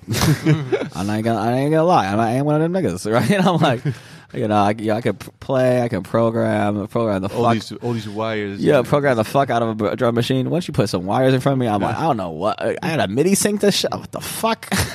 like, so I started working in this guy's studio, and then kind of like, and then just like, because I wanted to change the sound quality, right, of, of my music, right? Because like I think just digital music isn't really doesn't really sound the best. It's kind of predictable as well. Like Mm. you can tell a song that's been made in Ableton. You know, you can Yeah, yeah. sonically you can really really tell. And um, and also I just wanted to do something different. So after doing that for a little while, I was like, wow, I got kind of taken away by how you know you don't have to spend so much time trying to produce the sounds when the sounds are just good out of a machine. Yeah. So um, that was like six years ago, five years ago, and then uh, ever since then, me and the guy Phil just got really on, and then we ended up taking a new studio together and building our studio together. So we have the studio in New York with both of our all of our combined gear, and it's like a you know it's a master house. So you have a restaurant in London, Mm. living in Ibiza, and a studio in New York. Yeah, yeah, it really works for me. really convenient. No, it is convenient though, because like for me making music, I have to get in like a certain headspace, right? Yeah, yeah. So it it much it's much like I'm not one of these people who go in every day, but like when I go in, I can sit down and make a track in like a day and a half, two days, right? And that's kind of like my process works the best when I go Into to New York. I go to New York. in a capsule, sort of. Yeah, uh, yeah. I got I go to New York. I got like two three weeks there, and then every day from like 11 a.m. to 8 p.m. we go to the studio. Like boom, it's like a, a thing. yeah, a cocoon, a to tunnel. work. Yeah, yeah. I go to work and I'm like, doom, and I, I do all the stuff that we're, you know, uh, I'm planning on doing, and then it's like, and it's perfect, you know, it, it and it's a lot more. I mean, the the sounds that we're, I'm making right now, it's it's crazy. I mean, we're working on ambient music more than anything, and trying to get out of the box of like what, like for example, recently I painted my house. I don't got no white walls, right? So why does a, You, a you don't have any white walls. No. What color do you have? I got some pink. We got some blue. I had this this uh, um, muralist from Brazil, who's a friend of my girlfriend's. This uh, guy Ramon. He came and did a uh, a huge mural in my house, in our bedroom, in the living room, Is like the- a spray paint. Is the one with all the with all the lines? That's with some birds and shit. Uh, uh I'm good on that. So, um, yeah. So I, I I'm kind of in a place like with music as well. Like I think music should be a sound experience, and it doesn't have to be like a four four beat with to make it like something cool. know? So do you, have, do you have a wish to sort of uh, uh, play with a band or with an orchestra or Orchestra for sure. Yeah? yeah. That's that's like the the end goal is to get like more like technopera. Did you see the Quincy documentary? Yeah, I've been I saw little parts of it. Yo, he's the baddest motherfucker ever. He is the king. the king, the king. It's unbelievable. I don't think anyone's made more hits than him. it's Bappi crazy. Lahiri. Huh? Bappi Lahiri. Uh, Bappi Lahiri, the, the Indian guy, he has uh, world, wor- Guinness Book World Records. Of hits? yeah, and also of tracks. He, he, his uh, in one year he brought out 136 tracks. wow. Okay, Quincy, you need to go meet Bob.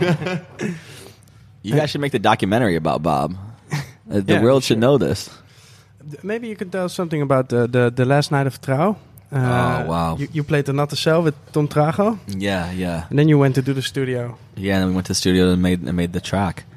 Now that whole, I mean, Trouw was a was really the Trouw and Fabric were the first two clubs to really give me a platform, right, and kind of a residency, and let me play longer sets. And yeah, Trouw was just like, I guess, the one of the most influential experience, the most influential experience on me becoming the kind of bigger DJ I am today because the size of the room um, the ideas of the music and how the whole thing set up, and also the relationships I made there with people like Tom and everyone else. And uh, so it was the last night. We had been out the whole weekend. It was just like fucking crazy. And then actually, the, the night before, uh, Prince Thomas was playing in the Natte Cel, or like it was like, and uh, Tom and I had went, and it was like off the fucking hook, like one of the best musical experiences of our lives. And we are just like, what the fuck is this? This is crazy in here. It was going off, and then um, yeah, like whatever, kept having the whole weekend together.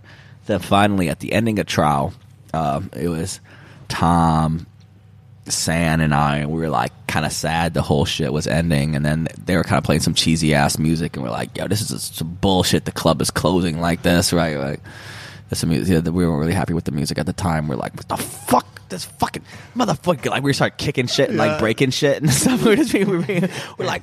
I, this is this is one of the things that I also love about Tom Six. So profoundly, sort of, this is wrong. oh, this is wrong. That's it. Was all three of it. We were like, this is we, this is not right. We were like, we were just we, we we couldn't handle it right. So we were just getting we were getting kind of like drunk, high, rowdy, violent, and stuff. And we're just like, yo, fuck, like kind of like We gotta change, We gotta change. shit. We gotta get the fuck out. Up, like, like hugging each other and shit. We're like, I can't believe it's over, motherfuckers. And then we, uh, yeah, then whatever. T- The studio was across the street, and we're like, yo, let's go, let's go say goodbye together. And then we made that track in also. We're just like, you know.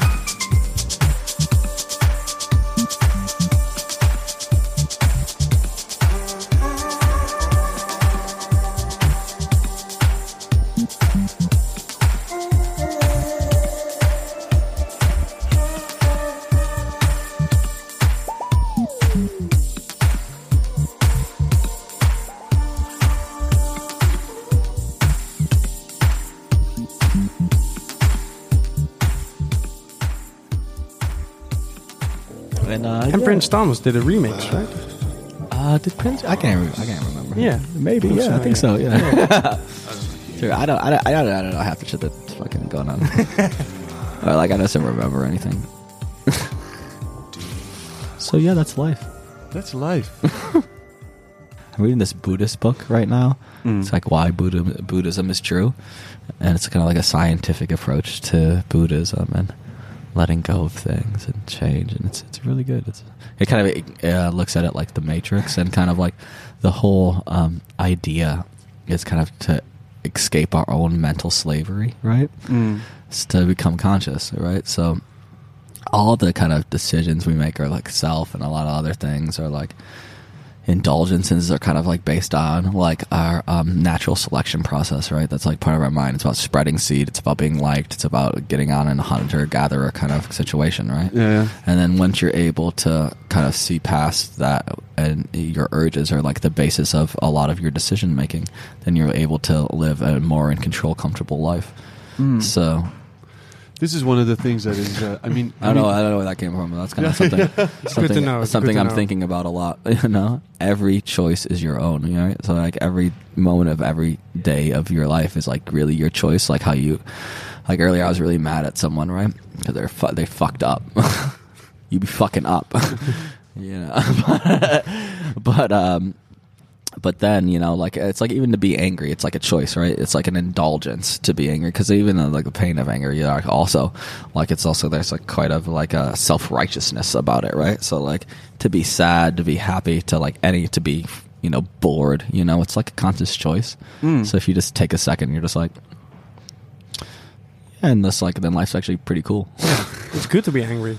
Yeah, no, not sometimes, Sometimes. but it's Yeah. you have to realize anger is a choice, right? Like Mm-mm. for example, this is like pretty profound. Like, you, you- you shouldn't be a victim of your anger. your anger. This is the thing. The suffering comes from these um, these choices. Like for example, But as long as you realize that the suffering is also a part of you, and you sort of you can, en- Yeah. you- you know, enjoy the suffering, and then be creative out of it, or something, get Yeah. out of something. out that's of also it. part of the path. It's about being aware. The struggle is real. The struggle is good. I fuck with the, I fuck with some struggle. If you don't struggle in your life, you you're out, you're not you're not doing anything right. That's absolutely true. you're not doing that. You know, you're not you're not in the experience. Convenience is uh, is a killer. it's a killer, man, and it's easy to fall into. You know, Yeah.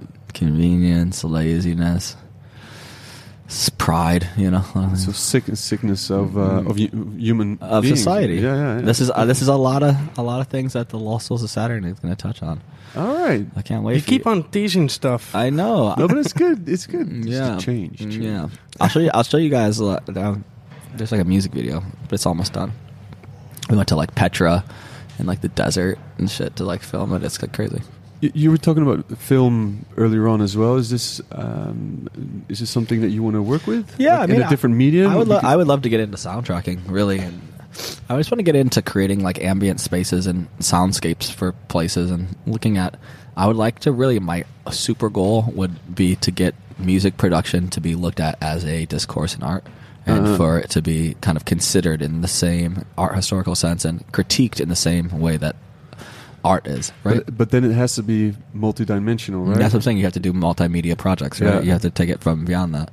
So that's kind of like what I'm kind of gearing myself up towards. but is, is, is isn't that hap- happening with like classical music? Yeah, seen as art. exactly. So like, but I would like to get because I think modern, uh, a lot of contemporary electronic music, or some contemporary electronic music, is based on the same musical foundations of classical music. So if we can start to get a bridge between classical and electronic music, I think it's the next, um, the next step for for everything. I really, thought as the. Henrik Schwarz was uh, doing. Kind of. He's kind of kind there. of He's kind of Yeah, there. yeah. But, but I'd like to go more art Than like less classically trained music. Yeah, yeah. I love it how Quin- Quincy keeps on saying, "We only have twelve notes."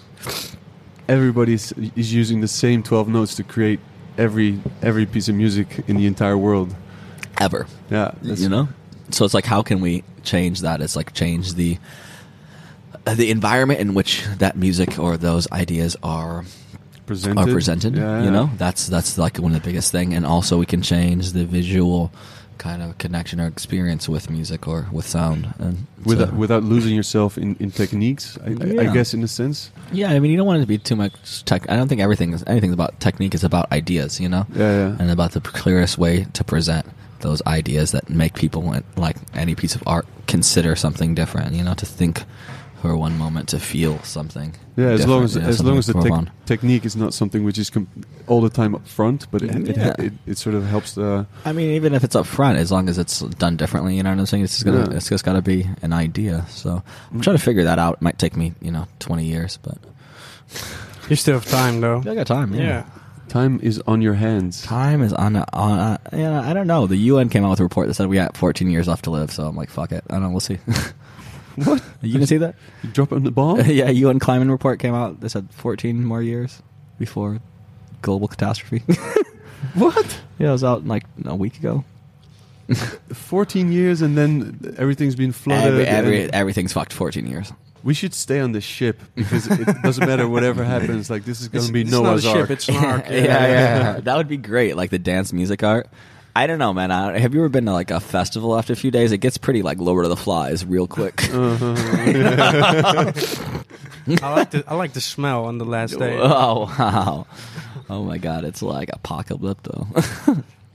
I think we're here. we got it. That's Yeah. it. Thanks, guys. I mean, we didn't quite do the marathon like Tom, but I think we're pretty good. Thank you so much for Thank you, st- guys. stopping by. And here in Radio Veronica, the home. Yeah, of, the of- home- Radio Veronica. Lovely to be on. Thank you so much. have a good time.